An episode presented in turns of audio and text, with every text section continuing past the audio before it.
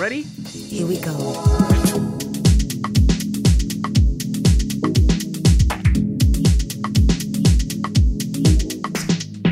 Hej! Välkommen med till Hantera dina fyrk.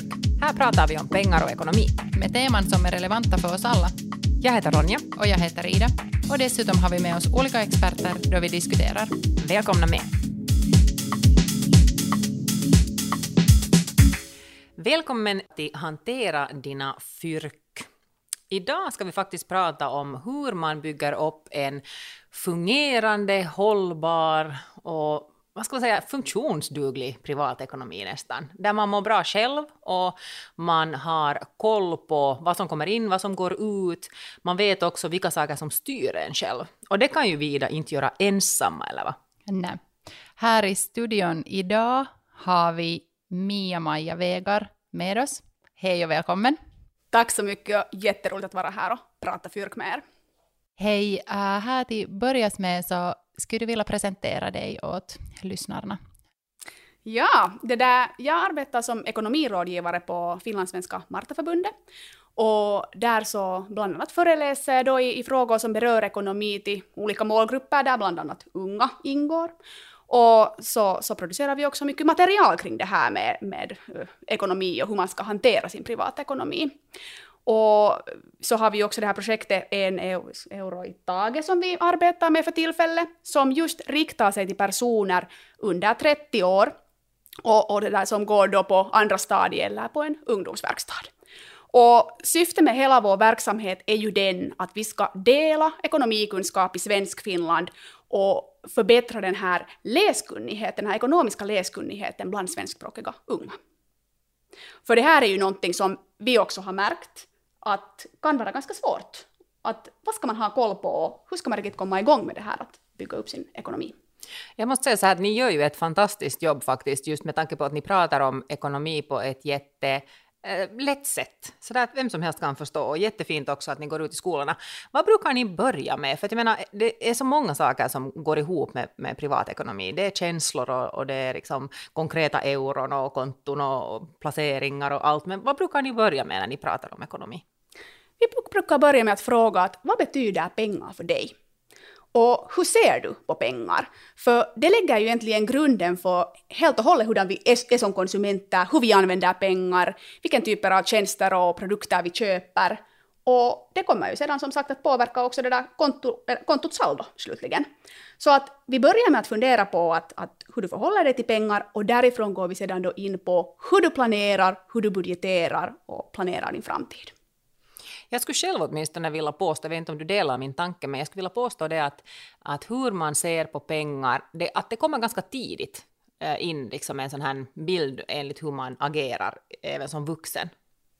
Forskning visar ju nog att, att grunden för hur vi ser på pengar och hur vi också kommer att använda pengar som vuxna, så det kommer ju från barndomen att det här när man mycket, pratar mycket om ekonomifostran och, och hur man ska lära barn att hantera pengar, så jag skulle säga att föräldrarna borde kanske just också börja med att granska det där egna beteendet först. För barnen tar kanske inte åt sig det där som föräldrarna säger, utan vad föräldrarna gör. Och då kan det kanske vara bra att fundera eller inleda hela den här processen med att börja fundera på sin ekonomi. Att fundera på att hur gick man tillväga i den där egna barndomsfamiljen? Hur gjorde föräldrarna? Hur förhöll man sig till pengar där? Betalade man räkningar i tid eller var det alltid lite sådär si och så att pengarna just just räckte till och, och sen ibland kanske det kom perioder då man hade mera fyrk att röra sig med. Men att, att tänka lite på att hur såg det ut där och sedan dra de här äh, reflektionerna till att hur du agerar. Och kanske du kommer att se något sammanhang där.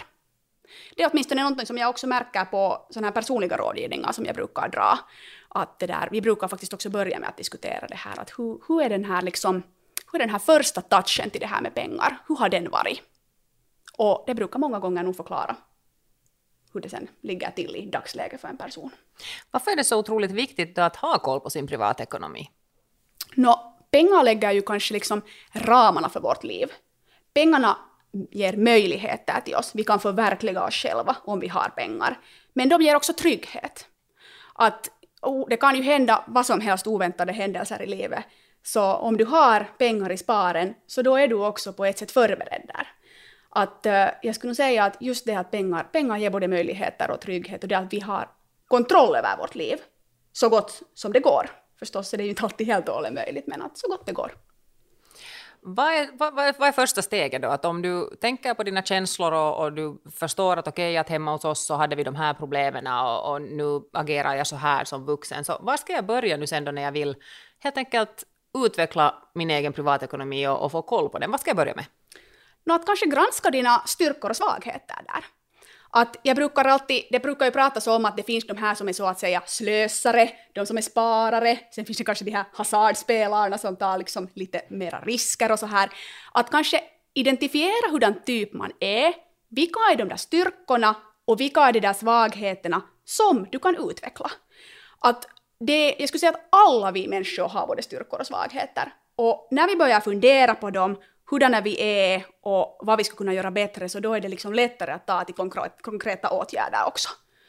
Och om du under den här processen märker att, att du kanske är en sån som har lätt att göra dig av med pengar, så då, då kanske det också blir lättare för dig att försöka hitta de där lösningarna där och fundera på att är det kanske så att du måste skaffa dig mera ekonomikunskap för att bli bättre på att hantera dina pengar? Vad är, vilken typ av ekonomikunskap behöver du? Då, det finns ju massor med podcastar som ni också håller på med som sprider den här informationen. Kan du söka information den vägen? Det finns böcker man kan läsa om det här, det skrivs mycket på sociala medier och på sådana här bloggar om det här. Så att jag menar, börja söka den där informationen. Där, där tror jag att eh, det är just så här att slå, vad heter det, hammaren på spiken om man säger som så, att, att det är just det där det handlar om. Och, och det handlar ju inte heller om det att det inte finns information, utan information finns ju. Och det handlar kanske mer om att hitta en sån information som man själv kan ta emot och som man känner sig bekväm med. Men det där är jätteviktigt när du pratar jättemycket om de här liksom, uh, det här tankearbetet bakom det. För att fast du hur skulle läsa och liksom få massor med information, men om du inte förstår hur du själv beter dig med de där pengarna så kan det vara svårt ändå sen och då, vad var det Ronja som du sa just, sätta... Ja, precis, slå hammaren på spiken. Ja. I spiken på hammaren. Nåja, oberoende. Vad heter det? Jag tror att för de flesta, när man börjar prata om då att, att, organisera sin privatekonomi, så pratar man just om att göra en budget. Hur skulle du säga att man ska gå tillväga? Hur länge ska man liksom jobba med den? Uh, vad ska man tänka på när man gör en budget? Och vilka saker ska man definitivt komma ihåg när man gör en budget? No, det, mitt första svar här är kanske den att en budget föds inte på en natt. Det är kanske det där helt viktigaste att komma ihåg här. Att en ganska vanlig fråga som jag brukar få på mina föreläsningar och på så här personliga rådgivningar så är just den att människor skulle vilja veta att hur mycket borde de lägga på till exempel mat eller boende eller kläder. Och, och där brukar jag sen säga att tyvärr så, så jag kan inte ge de svaren och det, det, kan inte ni eller någon annan heller, utan det är just att, att den här personen börjar fundera på vad är viktigt för henne och sedan börjar utreda att hur mycket pengar använder hen i sin vardag. Och här är ju kanske bästa sättet att börja samla antingen då kvitton på alla sina köp och börja sedan då bokföra dem.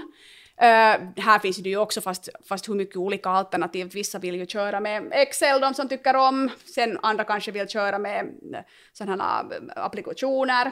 Jag kan till exempel tipsa om Garantistiftelsens tjänst Penno, där man gratis då kan ta i bruk den och, och börja föra in alla sina utgifter och följa upp. Eller sen vill någon köra med papper och penna. Att här är nu liksom, stilen är fri, bara du på något sätt börjar liksom bokföra alla dina utgifter.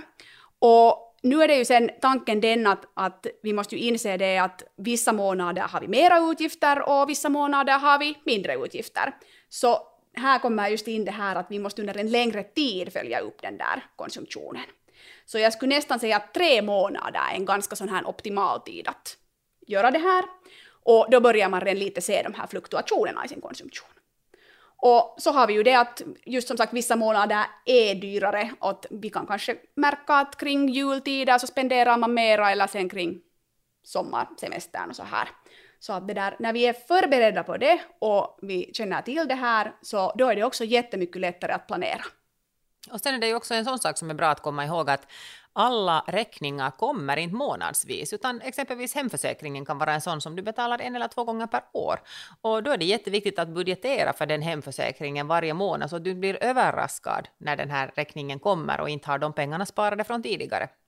Jag måste faktiskt ge ett personligt tips här. Nämligen det där, jag har faktiskt öppnat ett sånt här försäkringskonto åt mig. Så jag får faktiskt in alltid varje månad en tolftedel av den här summan som då förfaller då en gång i året. Så det betyder det ju det att jag egentligen liksom månadssparar till min försäkring. Då kommer det inte som en chock.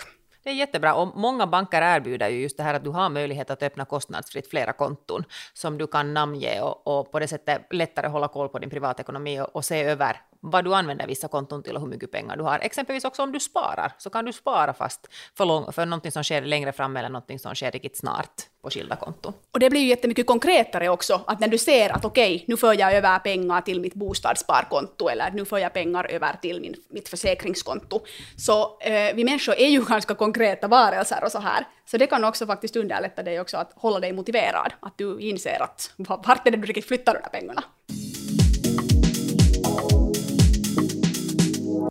Även inkomsterna kan ju också variera vissa månader. Äh, när jag tänker också, du nämnde sommarsemester, så för de som jobbar eh, vid, sidan om, vid sidan om studier eller jobbar redan heltid, så, så då får man ju också exempelvis semesterpengar och då kan du ha mera pengar att röra dig med också ibland. Och det här är ju också någonting som är värt att, att tänka på och, det där, och, och, och se över att, att har man något större införskaffningar man behöver göra och spara så kan man få en extra boost vid det skede som man får exempelvis då semesterpengar in på konto. Ja, det stämmer att det är ju förstås sådana positiva händelser, det här när det kommer lite mera in på konto. Och det där, då kanske just viktigt att fundera på det här att istället för att sätta sprätt på de här slantarna direkt, så faktiskt ha en plan redan innan de här pengarna kommer dit in på konto, att vad ska du göra med dem? Och nu är det ju förstås när det är frågan om semesterpeng och så här, så det är ju också viktigt att vi så att säga också njuter av livet. Så nu säger jag inte här att semesterpengarna ska i hela sin helhet sättas dit på sparkonto, men att kanske du kan liksom lite budgetera in att vad tänker du göra där på din semester, hur mycket kommer det att kosta, vem kommer du att involvera i ditt semesterfirande? Och det där, den vägen då börjar fundera att hur mycket pengar kommer det ungefär att gå åt då. Och när du har en budget för din semester så är det ju sen lättare att lägga då också undan pengar dit på det där sparkonto, det som du inte kommer att använda. Och det där, här brukar jag ofta säga nog att, att det som är, eller om man känner att det känns jobbigt att ta tag i det här med att börja budgetera, det kanske inte alltid är det där mest äh, intressanta och inspirerande sysselsättningen, så tänk på det att genom att budgetera gör du det också möjligt för dig att spara. För att en av de vanligaste orsakerna till att unga till exempel misslyckas då med sitt sparande är just den att man inte vet vart de där pengarna försvinner i användning. Så när du vet hur du använder pengar är det lättare att planera in ett sparande och därmed också då kunna förbereda sig för framtiden. Och sen också när det kommer till en budget, så det brukar vi ofta med Ida prata om det, att man har den där bufferten också, att man har sparat lite extra pengar, alltid som man ser till att man kan ta ifrån när det händer någonting överraskande, för att det kommer förr eller senare för oss alla i livet sådana skeden där vet du, någonting går sönder och man behöver skaffa en ny, eller vår dator har levt upp sin sista, sista liksom snurr och det där, och då är det bra att man kan plocka det någonstans ifrån istället för att börja handla på, på kredit, alltså på lånade pengar. Och det ger ju just trygghet just det att du känner att du är förberedd, att liksom ekonomin inte, inte går helt omkull för det att du hamnar gå plötsligt till tandläkaren och dra ut en visdomstand. Så att det där, ja, det är ju just frågan om det här att vara, vara, liksom, vara förberedd för sånt som kan hända. Har du några sådana här riktlinjer när man då gör upp en budget, att vilka så här olika kategorier man ska komma ihåg när man börjar planera att okej, okay, jag ska sätta upp nu då, dela upp min, min månatliga inkomst på de här olika sakerna, vilka ska man, vad, vad ska man liksom börja med? Nu de viktigaste där är ju nog kanske ändå boende, transporten, maten. Uh, sen är det ju upp till en sen att, att om man har fritidshobbyn så måste man ju budgetera in för dem. Kläder, och där är också lite sådär, och, vissa använder mera pengar på det och vissa mindre. Um, och, och, så att, att där skulle jag nog säga att, att det är nog den här boende, transporten och, och maten som är de största posterna som alltid ska vara med. Men sedan de som går utöver det så är det ju kanske viktigt att du själv går till dig själv och funderar på att hurdan typ av utgifter har du i din vardag. Och där kan vara till exempel mediciner, streamingtjänster, allt, allt sånt här som, som möbler. Ehm, sen förstås eh, skötsel av hushåll är ju också en kategori och och, och så.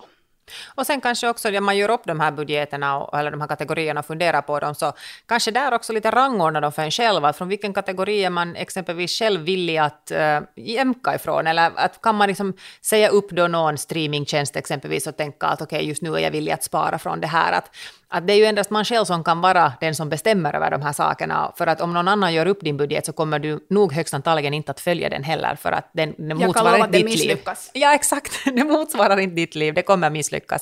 Så därför är det jätte, jätteviktigt, det som du sa här i början, att man känner sig själv och, och vet vad man är ute efter och, och vad, man, vad, man liksom, vad man tycker om och vad man inte tycker om. För de sakerna styr också att om du gör en för stram budget, så då blir du ju också utan de sakerna som ger dig energi och, och gör dig lycklig och, och glad. Att, att är det som så att du värderar den där kaffekoppen med dina kompisar på, på det lokala kaféet jätte, jättemycket, men du skulle inte behöva överhuvudtaget någon streamingtjänst, så då ska du hellre sätta pengarna på den där kaffekoppen när du går med dina vänner och, och skippa streamingtjänsterna. Du har helt rätt och det är just så som jag också tänker där, att det där, vi ska inte vara för stränga heller mot oss själva, utan vi ska faktiskt utgå från det att vi lever ett liv som vi tycker att är givande och intressant. Och sen det att vi också tänker på att, att ifall vi följer upp den här konsumtionen under en längre tid och ser hur mycket pengar det har gått till de här olika delområdena, så då när vi ser den där summan, den där totala summan som har gått till till exempel, vad ska vi säga, kläder till exempel, så om den där siffran chockar dig på något sätt, så då är det ju dags att börja göra något åt saken. Att det som är så fint med det här att följa upp sin konsumtion är att de här sakerna blir så mycket konkretare för en. Att, att när du riktigt börjar summera ihop alla de där tröjorna som du köpte förra månaden, vad det blev att kosta i sin helhet, så det där kan det vara ganska ögonöppnande och, och det där, vi kanske kan börja fundera på att leva också hållbarare.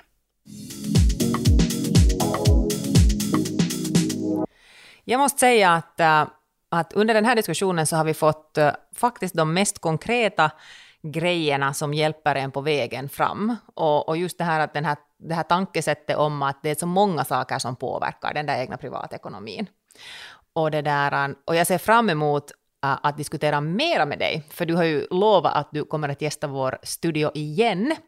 Och det där, då ska vi djupa mera, mera dy, eller dyka mera djupare in även i andra saker som påverkar och som har med just den egna privatekonomin att göra. Men tack för idag, det här var helt superbra och hoppas ni lyssnare också har fått ut någonting av det här och hittar, hittar nya sätt att se på hur ni hanterar pengar. Tack!